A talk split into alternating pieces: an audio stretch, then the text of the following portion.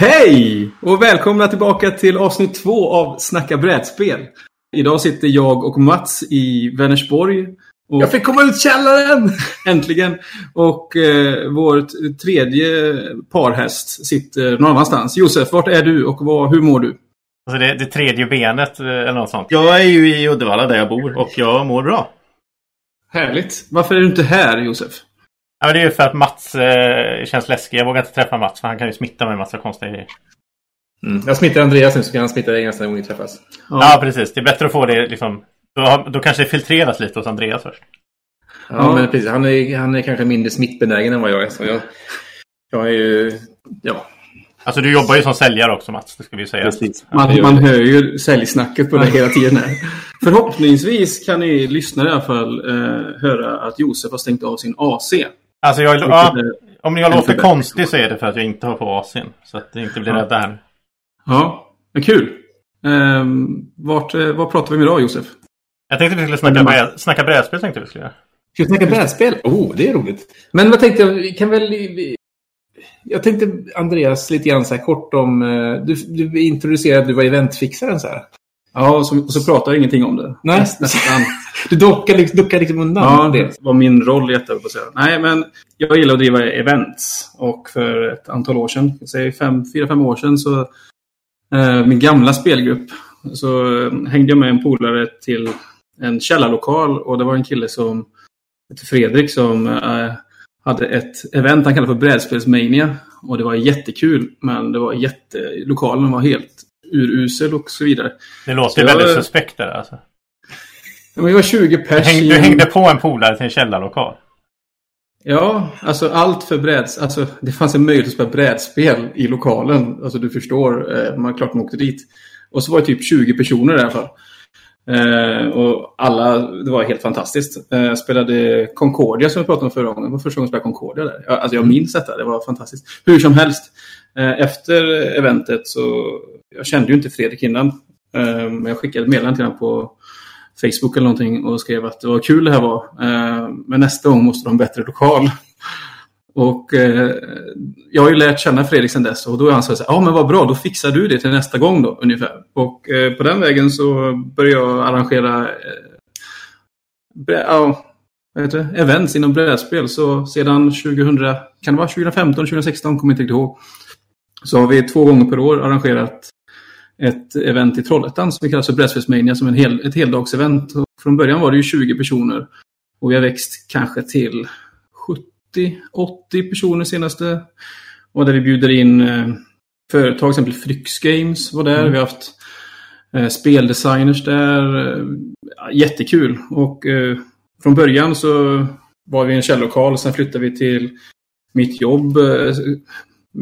Kontoret mitt jobb och var där. Men sen så har vi, inledde vi samarbete med Games i Trollhättan. Så vi har varit där. Ehm, och så gjorde jag och Fredrik detta i flera år på egen, egen hand. Och det är ju jättejobbigt med att blanda in privata pengar för att det fanns ju en kost, omkostnader och ska man ta intäkter och så ska man på något sätt kanske Skatteverket kanske fundera på vad man håller på med. Det är inga stora pengar men jag tänkte så jag vill inte ha detta på mig själv. Så då växte idén att eh, starta en förening. Så att eh, hösten 2018 så startade jag och Fredrik eh, Spel i Väst. Som är en ideell kulturförening för att främja eh, spe, eh, spelhobbyn. Mm. I regionen främst. Jag har ju fina minnen från det här när, vi, när, när det var på ditt jobb. Det var nog första gången jag var med gissar jag. Eh, och då... Jag kommer ihåg bland annat att det spelades... Det var första gången jag spelade Colt Express. Jag kommer ihåg att jag såg det spelas och det såg jättecoolt ut med de här 3D-tågen och så vidare. Ja just det, du var ju förstås med då.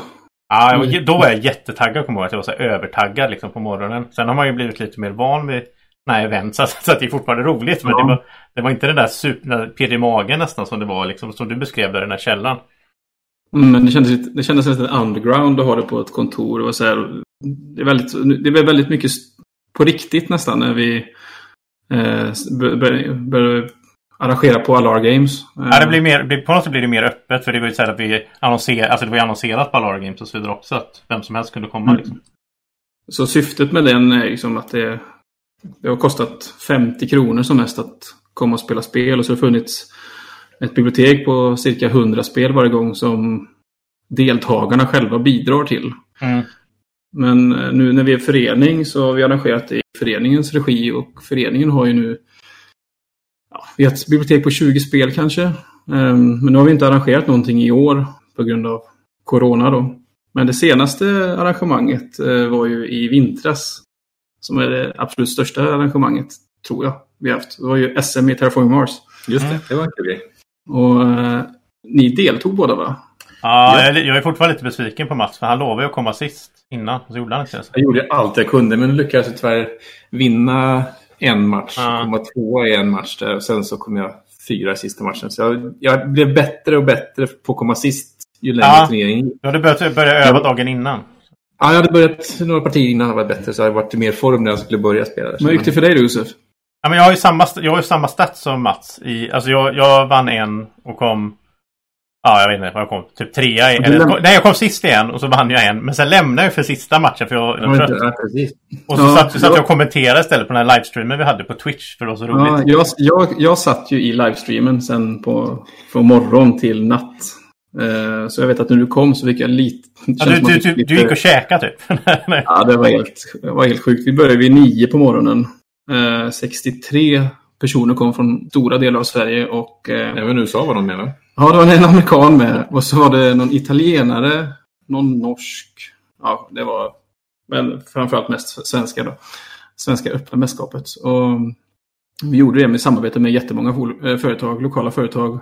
Fryx Games var där och hjälpte till att ställa upp med, och, med spel och det var... Ja, det var jättehäftigt. Och det gick ju till så att man fick ju spela... Alla fick spela tre matcher. Eh, med lite olika setup med kartor och, och eh, expansioner och så vidare. Ja. Och sen blev det då ett finalbord sen som avslutades. Så, så det var ju fullt spelande hela dagen. Det var ju Ja, så det var ju 63 spelare minus Josef då i sista omgången. Så att, eh, fram till klockan åtta eller någonting på kvällen så var det ju fortfarande... Ja, det var ju vid åtta tiden tror jag som det var... Vi visste vilka fyra som hade gått till final då. Jag åkte typ hälften hem då, jag förstår det för man hade varit spelat 12 timmar. Så det var inte så många kvar eh, kollade på finalen tyvärr, men så kan det vara. Jag åkte faktiskt hem och kollade på streamen tror jag. Ja. Men Så det var svårt att se på bordet. När man, man, det var ju på scenen liksom. Man kom inte upp och kunde se. Så det var nästan bättre att åka hem och kolla på streamen hemma. Då fick man även Ja. en exemplariska kommentatorn av dig och Erik också. Så var Ja, grymt. så eh, vi, var, alltså, vi var klara. Jag tror finalen var klar halv ett eller ett på natten någonting. Då hade vi suttit sedan klockan nio på morgonen. Eh, kommenterat fyra långa matcher. Och eh, när allting var klart, vi hade 500 unika tittare under dagen och det var jättekul. Och sen så dagen efter åkte hem och, fick, och så fick vi rigga ner allting mitt i natten. Jag kom hem halv fyra tror jag. Och eh, sen på morgonen efter så vaknade jag upp och så bara, shit, jag måste in och kolla hur, det- hur, det- hur det verkade i livesändningen. Och så insåg vi då att eh, Twitch-ansvarig, inte jag, en annan person i föreningen, han hade glömt att trycka på att spara VOD. Det är Så- underbart alltså. alltså Det var ju en engångsgrej då. Så vi har ju minnet av det. Mm. Jag och Erik framförallt, vi satt i 15 timmar och kommenterade. Men det var roligt. alltså jag borde ju, till nästa gång något sånt där så borde jag ju veta med mig själv att att jag ska inte vara med och spela liksom. Jag ska kommentera eller jag gjorde även en livestream för, för Youtube-kanalen så att... eh, Ja, Ja, men det var jättebra. Du passar jättebra som kommentator med din... Alltså, du har ju spelat tillräckligt mycket Terraforming Mars skulle jag säga för att kunna kalla det för expertpodd. Ja, alltså, det var inget roligt att spela heller för jag fick ju såna komment- Folk har ju sett mina videos och sånt så de har ju fått för sig att jag är bra på spelet. Det är jag ju inte. Bara- bara- jag- Det är bara att jag har spelat mycket. Och så då, då fick jag ju såna kommentarer. Nej men eh, du ska inte göra så här. Jag vågar inte anfalla honom för att eh, han är så bra så han kommer utmanövrera oss. De lät, ju bli, de lät ju bli att typ skicka asteroider på mig för de inte ville att jag skulle bli arg på dem. För att då skulle jag typ utmanövrera dem sen. Det var jätteroligt på ett sätt. Men... Gaming by fear. Ja, Verkligen. Ja, så vi, men vi får väl se nu då hur det blir i föreningen.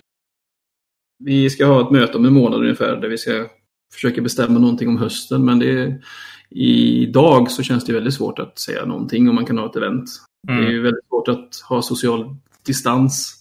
Tänker ni något så här runt, alltså många av de här, de här stora som har blivit inställda då, så vi har ju Gencon, UK Games Expo och Essen Spiel som är de tre stora. Eh, De har ju då kört, eller kommer nu då köra digitala varianter istället i år. Eh, Olika former av online-lösningar istället.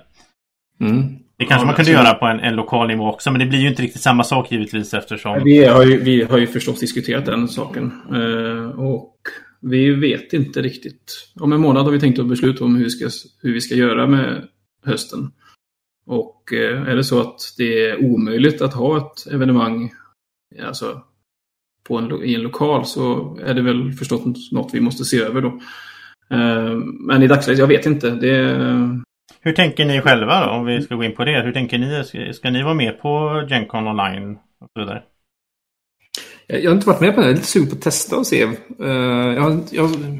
Man var ju tvungen att skaffa biljett i alla fall till Gencon och det finns ju fortfarande biljetter. Det börjar nästa fredag.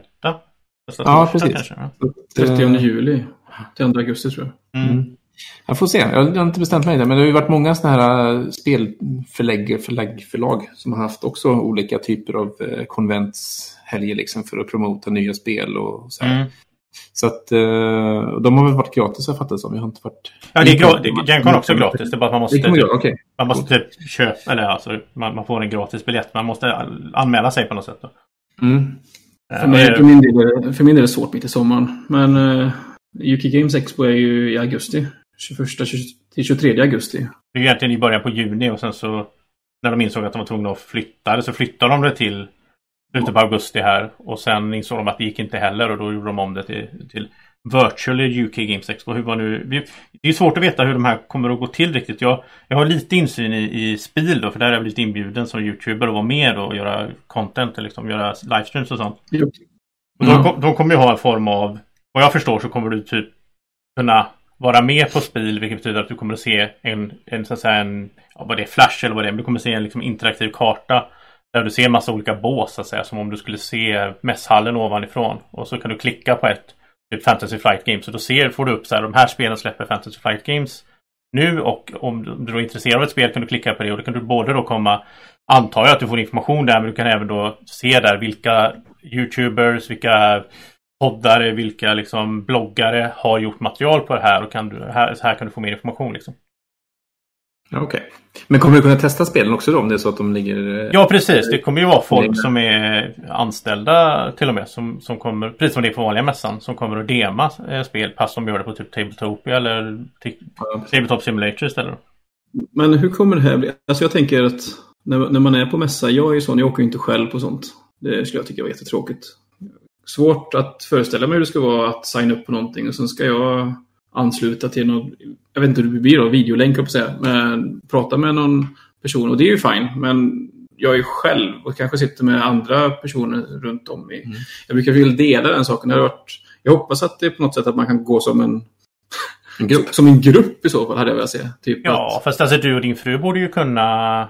Ni borde ju teoretiskt i alla fall kunna ansluta till samma Tabletopia-rum typ. Och sen så är det någon ja. demosnubbe där och så kan han dema spelet för er. Så spelar ni det. Ja. ja, det är väl så vi får löst. Ja, men det är klart, om du får en kod, ett rum, så kan du bjuda in kompisar till i ja. rummet. Liksom. Ja, jag vet inte, men det, det, är väl någonting jag skulle se att gärna att det fanns en möjlighet att för alla som inte har möjlighet att ha med frugan liksom, liksom ja. bara kompisar liksom, att man kan göra det tillsammans. För det är ju mycket av att gå på mässa för mig är att är ju gemenskapen och allt det där. Och Hänga och spela. Sitt, kolla på det här och dela allting. Sen att, ja, jag vet inte. Det, du, är väldigt, du är en väldigt social person också. Så det, jag tror det är många som, som kanske... En laster. men många sitter nog och spelar brädspel digitalt hemma ensamma. Och då... Eh, ja, jag gör ju inte det av anledning att jag inte tycker det är så kul med digitala varianter. Nej. Det beror på om man har en AI kanske. Om man, det beror på typ om man tänker sig jag reser mycket med mitt jobb och då blir det slå ihjäl tid på flygplan och tåg och sånt där ibland. Och ja. då är det, ju, är det ganska schysst med någon app eller eh, någon form av digital adaption av ett spel som man ändå kan fördriva någon timme med om det är så.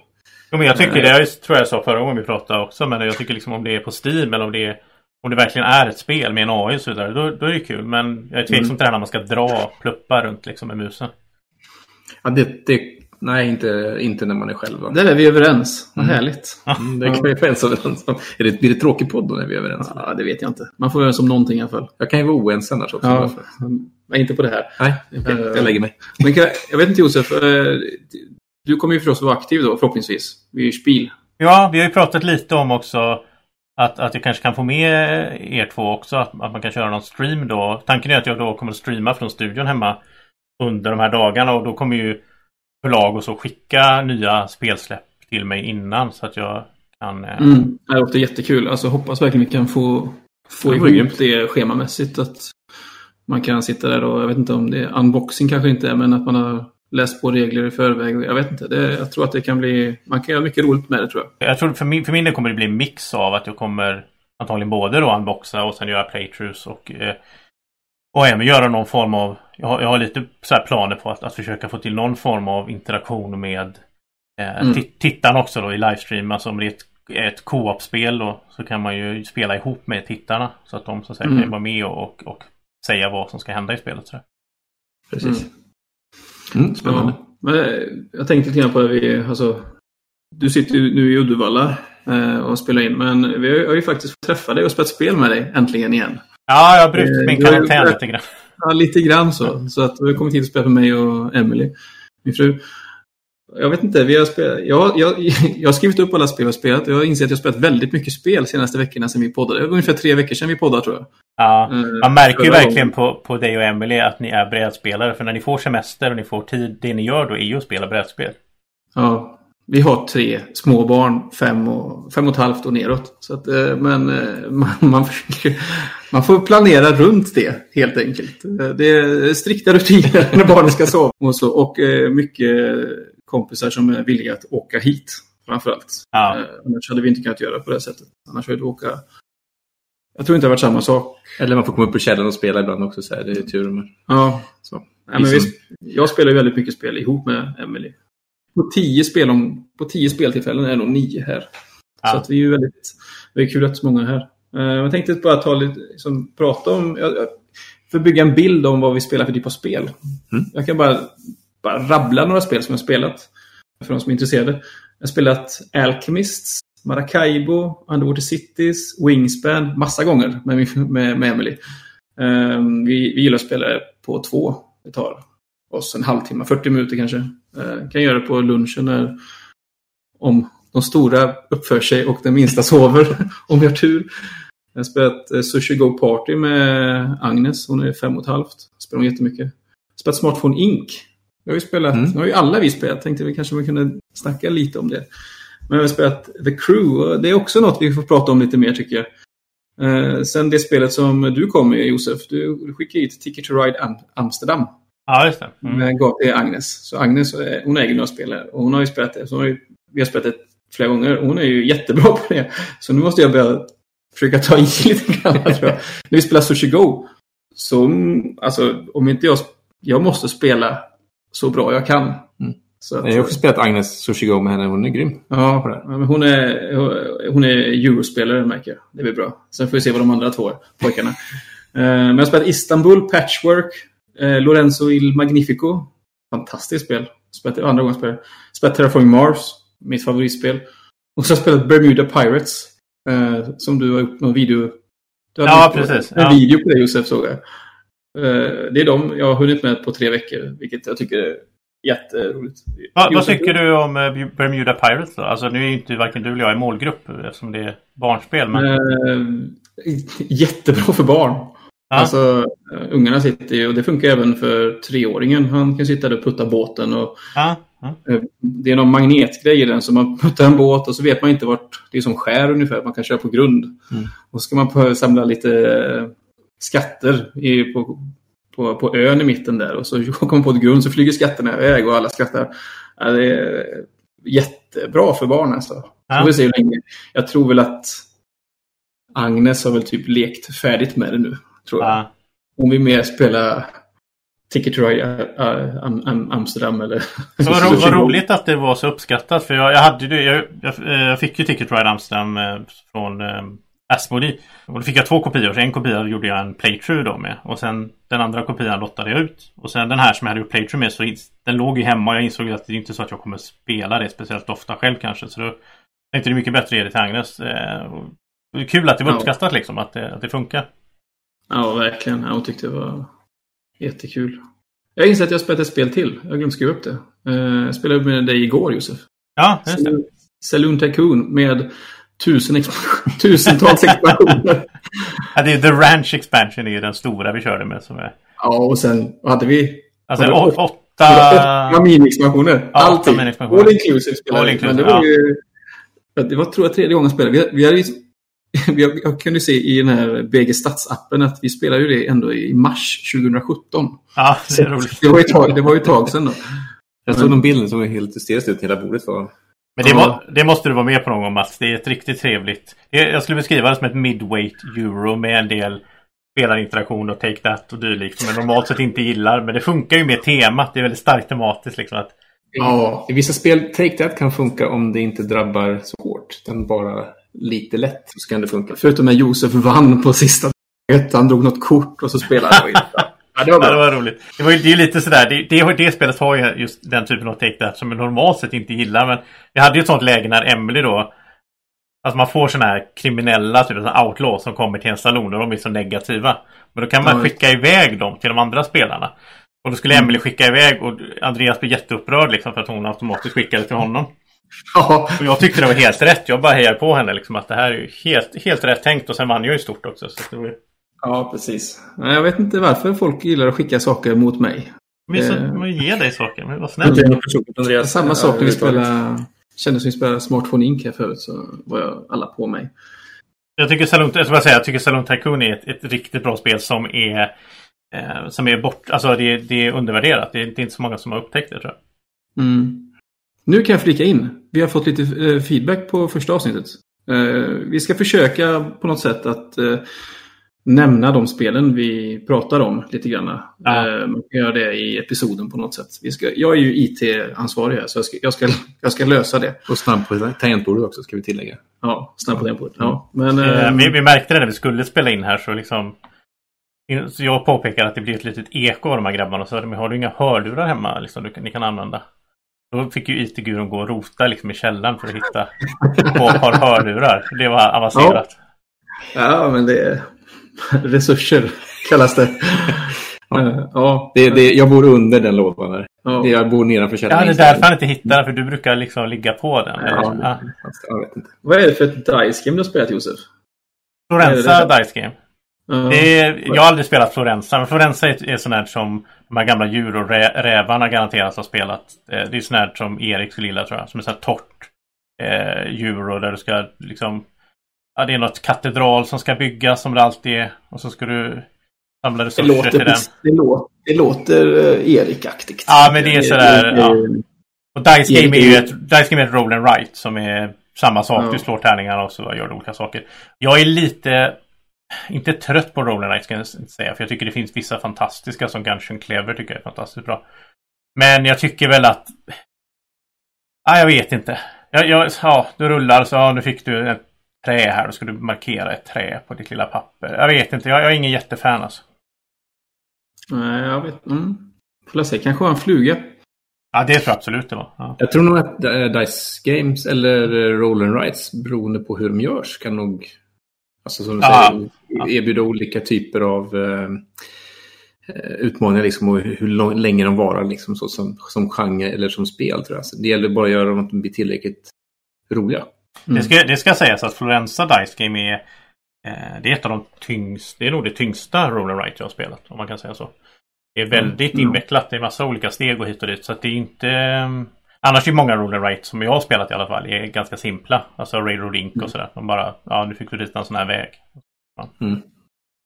Ja, jag ser, på, jag ser bak på bordet här där vi sitter och spelar in nu så ligger ju DICE-varianten av Istanbul. Och jag ser, Mm. Vi hade tänkt att försöka spela det idag men vi hann inte det innan. eh, Das. Würfelspiel som det heter på tyska. Precis. Eh, Istanbul är ju ett av mina favoritspel. Det är ju på min topp 10. Jag ska säga bara Ja. att jag, jag har ju spelat Istanbul The Dice Game flera gånger. Ja, det har det. Ja. Men vad är det, har, har du det eller? Jag köpte det för jag tänkte det kunde vara ett Ja. sådär bra semesterspel. Jag tycker det är mycket bättre än Istanbul. Jag Det är svårt att se. Det är väldigt, väldigt bra Istanbuligt. Nu går jag så. härifrån. Nej. Eh, det är en bra liten adaption av Istanbul för det passar väldigt bra som... Alltså race-mekanismen funkar väldigt, väldigt bra tycker jag i själva... I Dice-gamet. Väldigt snabbt spel. Alltså jag har spelat det tre gånger tror jag. Jag vann alla gångerna. Det kan vara därför jag gillar det också så mycket. Ja, du spelar inte med mig jag. Nej men alltså det handlar ju om att rulla tärning. Det, det gör ju, jag är ju bra på att ha tur. Så att Du är det, bra på det. Jo, men jag, jag har ju lärt mig det. Man måste bli ett med tärningen. Andreas Ja. är grym på tärningslag vad jag vet. Så att, I alla fall de gånger jag spelat. ja, men det ser jag fram emot att spela, Mm. Mats. får vi ta nästa. Och Josef också. det vill jag spela igen. Det var, det, jag spelade ju då med, ja, med, med en annan Mats som, vi brukar, som jag brukar kalla Gammel-Mats. Ifall han lyssnar så kan jag säga. Då blir jag väldigt glad för jag är egentligen äldst här och slipper höra gammal man. Ja jag vet men han är ju ännu äldre. Så att det, eh, Hur gammal kan man vara? Han är, Ja, han det är är- pensionärsmatt kanske till och med. Kanske, och så. ja precis. Ja. Inte. Nej men det, det var väldigt roligt eh, måste jag säga faktiskt. Det, det är väldigt, väldigt snabbspelat. Jag tror en match tog så här 20 minuter något. Mm. Ja, det går grymt fort ibland. Och det, är, nej, det är kul. Det är bra spel tycker jag. Ser fram emot för, det. för mycket, Verkligen. mycket, mycket kom, snabbt, roligt spel. Ja, andra spel som jag, jag, vi har skrivit upp här innan vilka spel jag spelat. Men spel vi har spelat ihop då, Mats. Vi har ju spelat eh, eh, Maracaibo ihop. Mm. Alchemists första gången för dig. Ja, precis. Det var ett väldigt huvudbryande spel. Ja. Första gången. Mycket som hände. Ja, det, har man inte, om, man, om man inte vet man inte vad det är så borde man kolla upp vad. Mm. för Det är ett spel unikt i sig. Jag kollade upp lite grann innan. Då. Det, designen där heter Mattus Kotry. och Det är det enda han har gjort. Konstigt nog. Han, på BG står att han det är enda spelet han har gjort. Jag tänker så här. Ett spel och så valde han att göra det spelet. Ja, det, är- ja. det är ju, så, Ja, det är ju coolt, skulle jag säga. Utifrån ett designperspektiv och göra det spelet här, så är jag ju sjukt imponerad över allting. Tänka till på saker Ja. och ting och få det att, klicka liksom. För det är ju jädrigt mycket som händer. Alltså. Det är Så det är väldigt bra bra, väldigt bra worker placement också i det spelet. Det är ju inte det spelet handlar om i första hand känns det som. Det, eller, Det- det, man, det man tänker på med Alchemist är ju det här med deduction eller vad det heter, alltså slutledningsförmåga. Ja. Men själva worker placement-mekaniken är jättebra också tycker jag. Jag tycker kombinationen ihop med själva nötknäckandet av att komma på vad alla ämnen leder till. Ja. Alltså det är ju bra, bra gjort alltså. Ja, Alltså, för er som inte har- vet inte ens vad det är då, så bara snabbt. Det finns... I spelet finns det åtta stycken olika ingredienser. Och mycket av spelet bygger på att man ska lista ut vad de här ingredienserna består av för typ av sammansättning. Och så finns det som DNA eller molekyler eller någonting. Så finns det... Varje sak måste bestå av en grön, en röd och en blå. Antingen plus eller minus. Och så de här åtta olika ingredienserna har ju en unik sammansättning. Och för att lista ut dem, vad de innehåller så måste man blanda två, eh, två saker. Och så kan man spela antingen med en spelledare som får koll på allting eller så använder man en, eh, en app för det. Och så sätter man två, två kort, två ingredienser bakom sin lilla...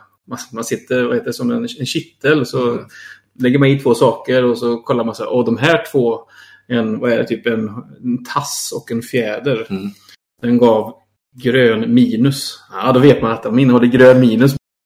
Sen så testar man den här tassen ihop med grodan och så får man ett röd plus. Och så börjar man lista ut att ja, men den här tassen nu, den har ju både grön minus och röd plus då. Och sen så och sen är det ju massa spel uppe på detta. Man ska publicera teorier om dem och debunka varandra eller vad det kan heta på svenska. Och det, det är ju lite, det är lite sudoku helt enkelt. Men jag tycker det är väldigt roligt ja. det spelet.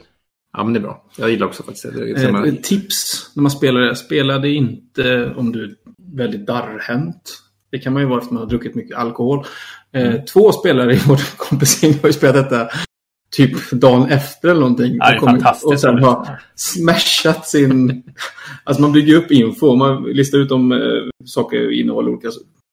Ja, plus och minus hit och dit. Och sen så råkar man välta alltihop. Då är, man, då är, då är det kört.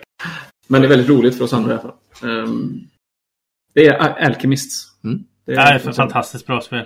Eh, sen, sen tycker jag vi ska prata lite om Smartphone Inc. då som är, det är väl det heta hemma hos Isbergs just nu. Alltså Andreas Ja, det är det. Det var det första han tryckte fram näsan på när han kom hit idag. Här, Ja. lukta. Lukta på det här. Känns sett det den vad lådan? den är. Och lådan, man får inte ens plats med spel till lådan nästan. Jag, jag måste bara säga, de har, de har, det är så mycket saker i den här lådan. lådan. Det är en stor låda. De har fått släppa en video på hur man ska packa lådan. För att det går inte, det går inte att lista ut det annars. Uh, förutom då. hon är, hon är pusselexperten här. Va? Men, men eh, ändå. Men det är otroligt eh, mycket spel på kort tid. Jag har spelat det fyra gånger nu tror jag. Fyra, fem gånger. Och vi spelar på 90 minuter knappt. Exklusive regelgenomgång. Får man ju säga. Mm. Men reglerna tar tio minuter, en kvart eller någonting. Ja, inte alls. Alltså, förra veckan så spelade jag det här eh, och då, mer och då kan jag berätta för Mats då. Då sa ju Andreas det innan liksom att men det här är så snabbspelat och det här går jättefort och det är så.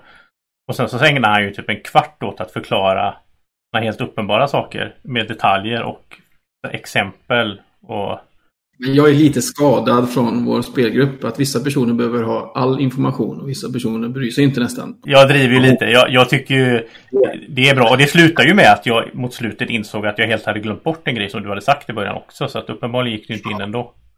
Och så skratta lite åt det. Smart Ink det är ett... ett eh, man ska sälja, producera och sälja smart, smartphones.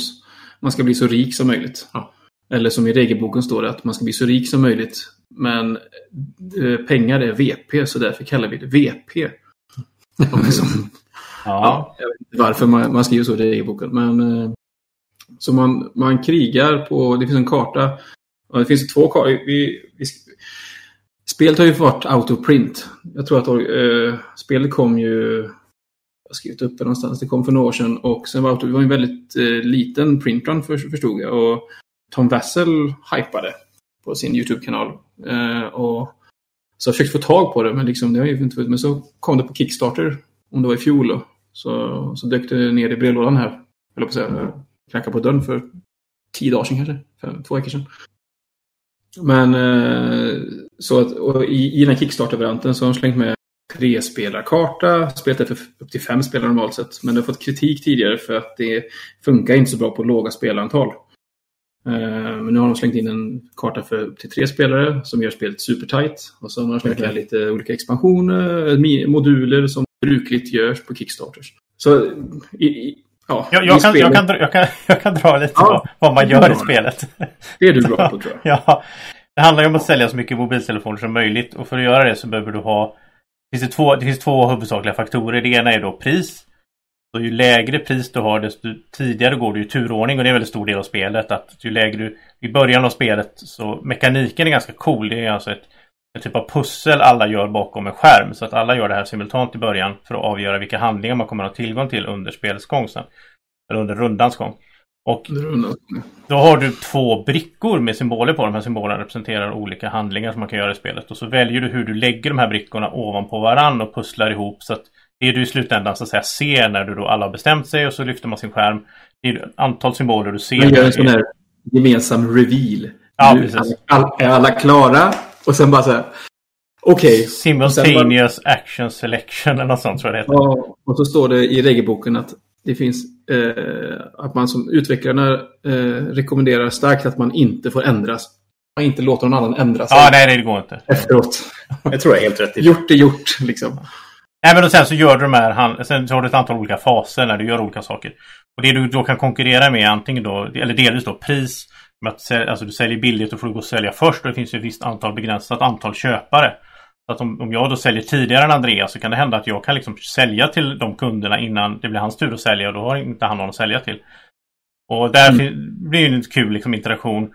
Och sen det andra du så att säga tävlar med det är alltså hur, ja, vad du har för tillbehör eller alltså hur, hur utrustade dina telefoner är. Så att du kan till exempel lära, alltså du kan ha 4G, du kan forska fram teknologi du kan ta mm. fram och, och har, du, har jag den men Andreas har inte den då kan jag sälja till en kund som inte Andreas kan sälja till och därmed så får jag en konkurrensfördel. Så det är ju det är ett marknadsekonomi helt enkelt egentligen i spelform vilket då eh, med tema som jag tycker inte temat kändes jättestarkt. Alltså det kunde egentligen hetat något annat. Det kunde egentligen varit någon annan typ av vara. Ja, vad som helst. Men det, det, är en viktig grej som jag tyckte också, det var ju det här med kontroll över marknaden då. Genom att vara den som är marknadsledande i den regionen eller landet.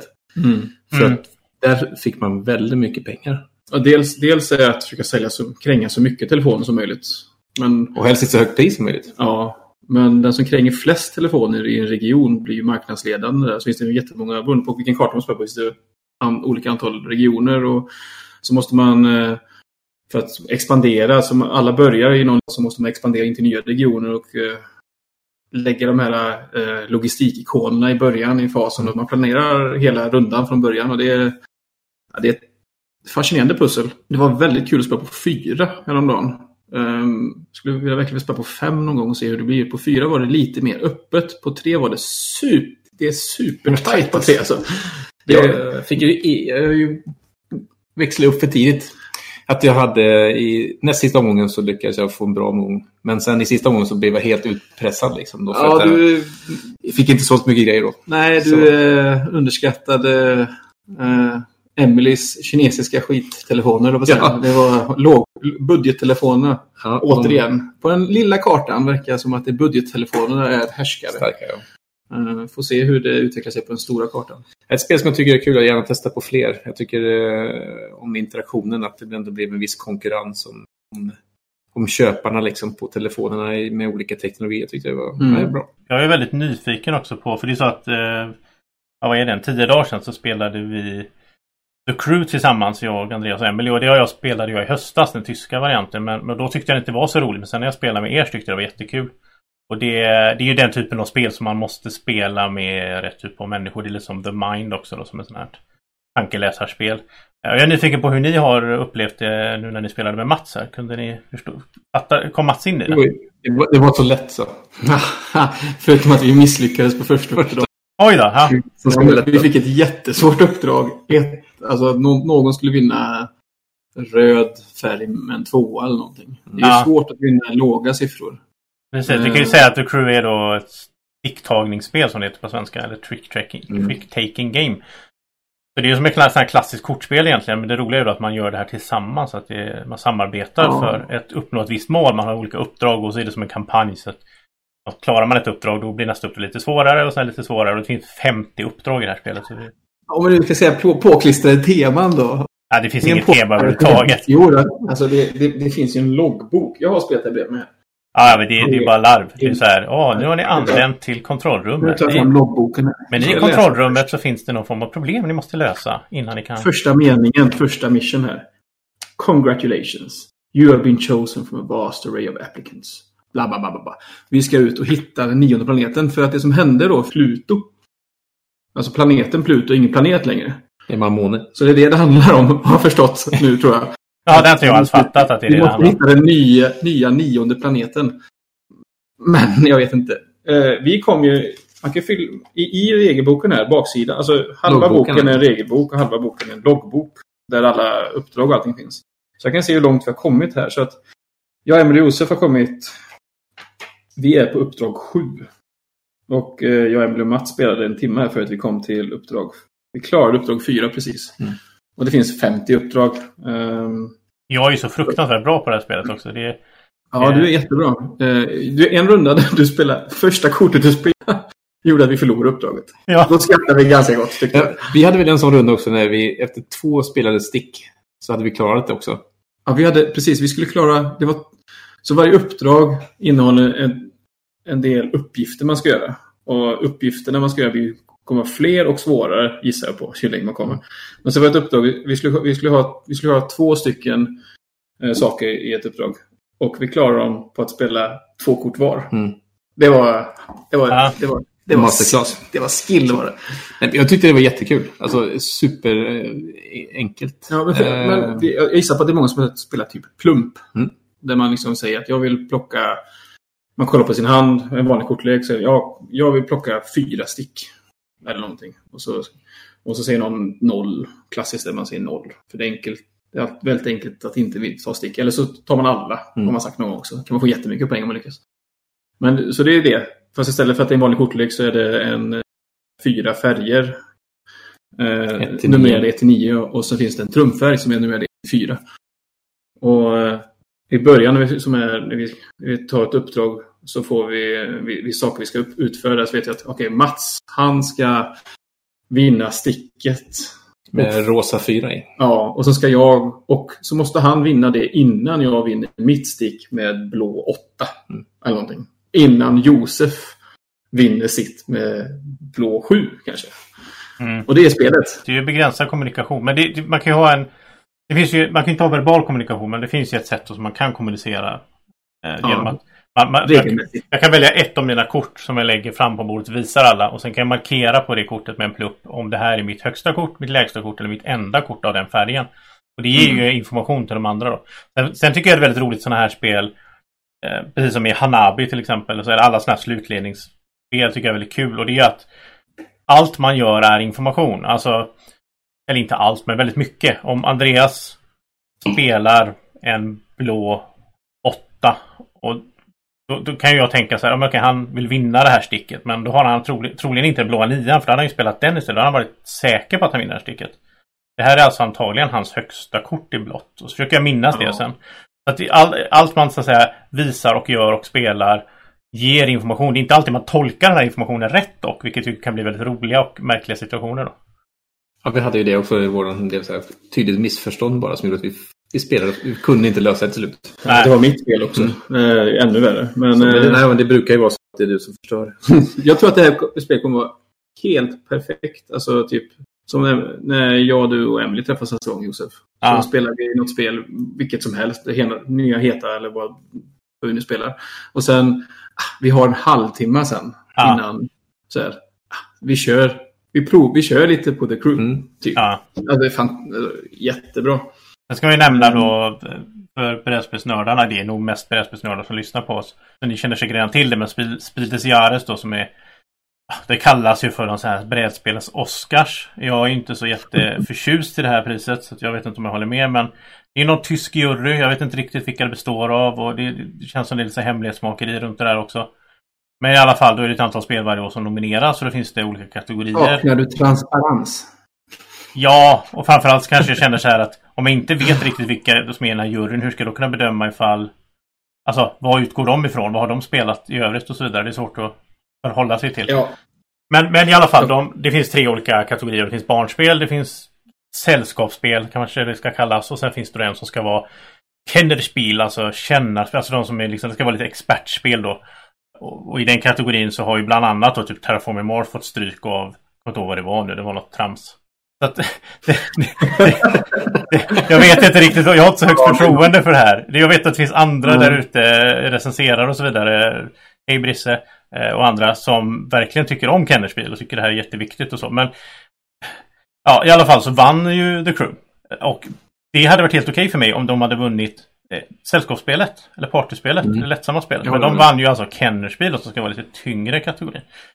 Så, så, så är det i alla fall. De har vunnit pris. Har du, har du, har du spelat de andra spel som var nominerade? Nej, det ska också sägas då. Här sitter man och kritiserar då som har inte spelat alla andra spel som var nominerade. Så Nej. Att, men, äh, intressant.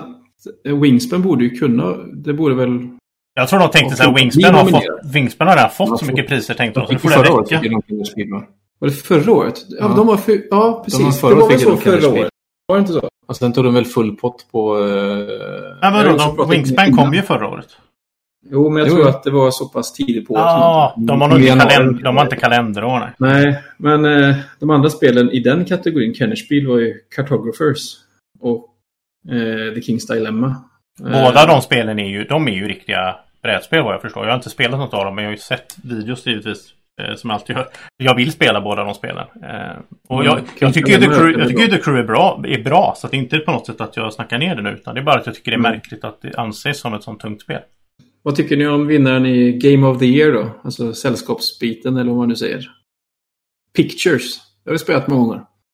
Tror, det, är ju ingen av som, det är ingen av oss som ens har sett det här spelet. Uh, ja, precis. Jag kollade upp lite grann så att, uh, pick, säga att först och främst bara uh, The Crew är designat av Tom, Thomas Singh. Men Picture som vann sällskaps, eller vad du kallar det Josef, är av Daniela och Christian Stör. Ja, egentligen är det årets spel översätter man det till svenska tror jag. Spelet ja, ja, precis. Och de har Eh, Daniela, det är hennes första spel och det är Christians andra spel. Och de har, han släppt ett spel som heter Schraube Locker från 2014 tidigare. Det, det slog bland annat Nova Duna av, eh, från, som, och körde Uwe Rosenberg har gjort. Och eh, My City som professorn Rainer Knizia har gjort. Så att det var ju... Jag har inte spelat de spelen alls då så att det är svårt att uttala sig om. Men alltså jag, jag, jag har faktiskt tackat nej till att till att recensera eller filma Nova Luna för det Spontant kände jag så här, ja ah, det är Uwe Rosenberg men det är ju ett Det är ett rent abstrakt spel liksom. Det är bara och, abstrakt. Har de riktiga spelen från Uwe tagit vägen? Vart är... Ja, jag vill ha en uppföljare Vart till vart nästa? Ja, eller det var ju Feast Roden kanske. Ja, just det. Men jag vill ha mer kor och... Här kommer, precis. Jag vill ha mer kor. Du, Ja, fast jag tycker att du gill- du gillar du att börjar jag- tappa lite i kokategorin Andreas. För när vi spelade Saloon Tycoon igår så skaffade du inga kor. Nej, Du skaffade en häst på hela spelet. Det känns inte som du liksom. Det känns som du börjar kossan tappa. var för dyr. Kossan var helt... Det var helt o... Jag kunde, inte spendera så många hästskor eller vad det var för resurs. det gick inte. Jag var ju tvungen att bygga, ut min ranch först. Det gick ju inte alls vägen. Innan vi lämnar Spillet bara. Eh, Child, bar, årets barnspel eh, vanns av Speedy Roll. Som har säkert någon annan... Eh, eh, ja. Vad har du för kommentar till det Mats? Hedge, Hedgehog Roll har heter det på engelska. Men det... Och det är designat av Urtis Sulinskas.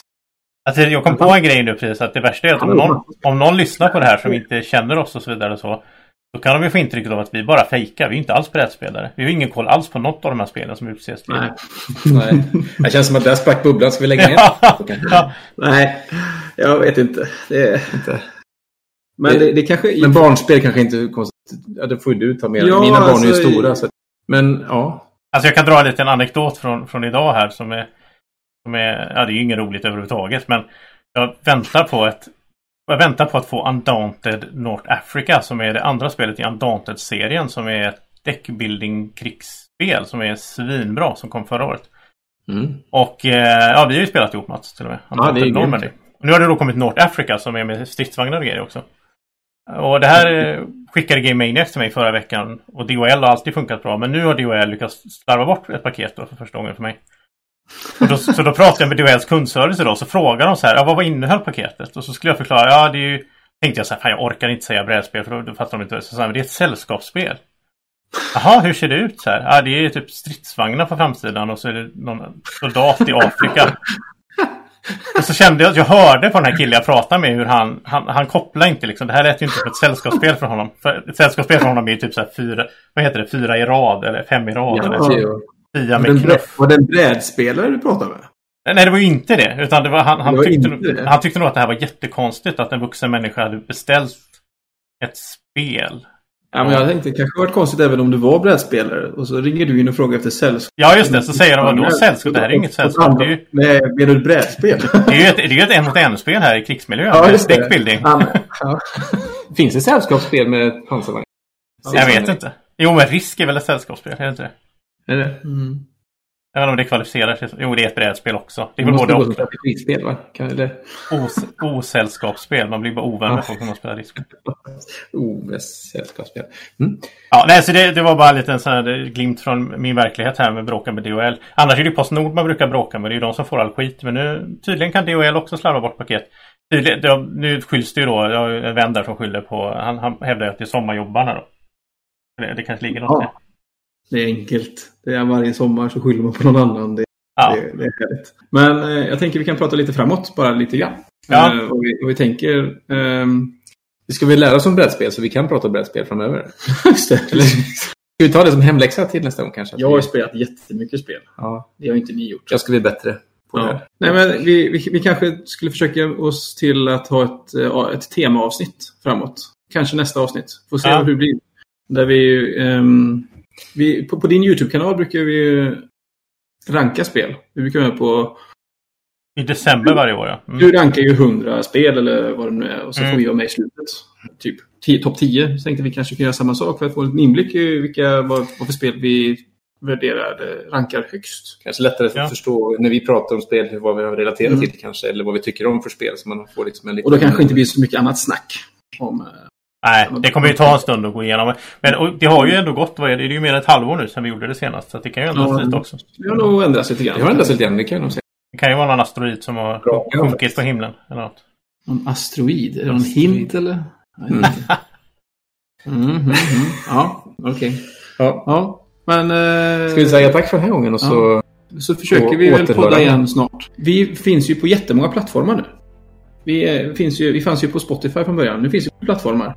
Det sa Men- vi i början också. Sa vi i början? Ja. Det vet jag inte om jag sa. Men jag säger det igen. Nu finns vi på sju plattformar i alla fall. Det är sju det plattformar. kommer komma- Det är ungefär som på Fångarna på fort. Finns, man finns på sju Vi kom- plattformar. Och, det, och fler plattformar kommer. Stort tack för att du lyssnar på oss i Snacka brädspel. En podcast av Andreas Isberg, Josef Sandholm och Mats Jengard. Musiken du hör i bakgrunden är det Malin Isberg och Sofia Svärd som skapat. Hjälp oss gärna att nå ut till fler genom att berätta om vår podcast för en vän eller två. Och slutligen, vill du komma i kontakt med oss så hittar du oss på Facebook. Hej då!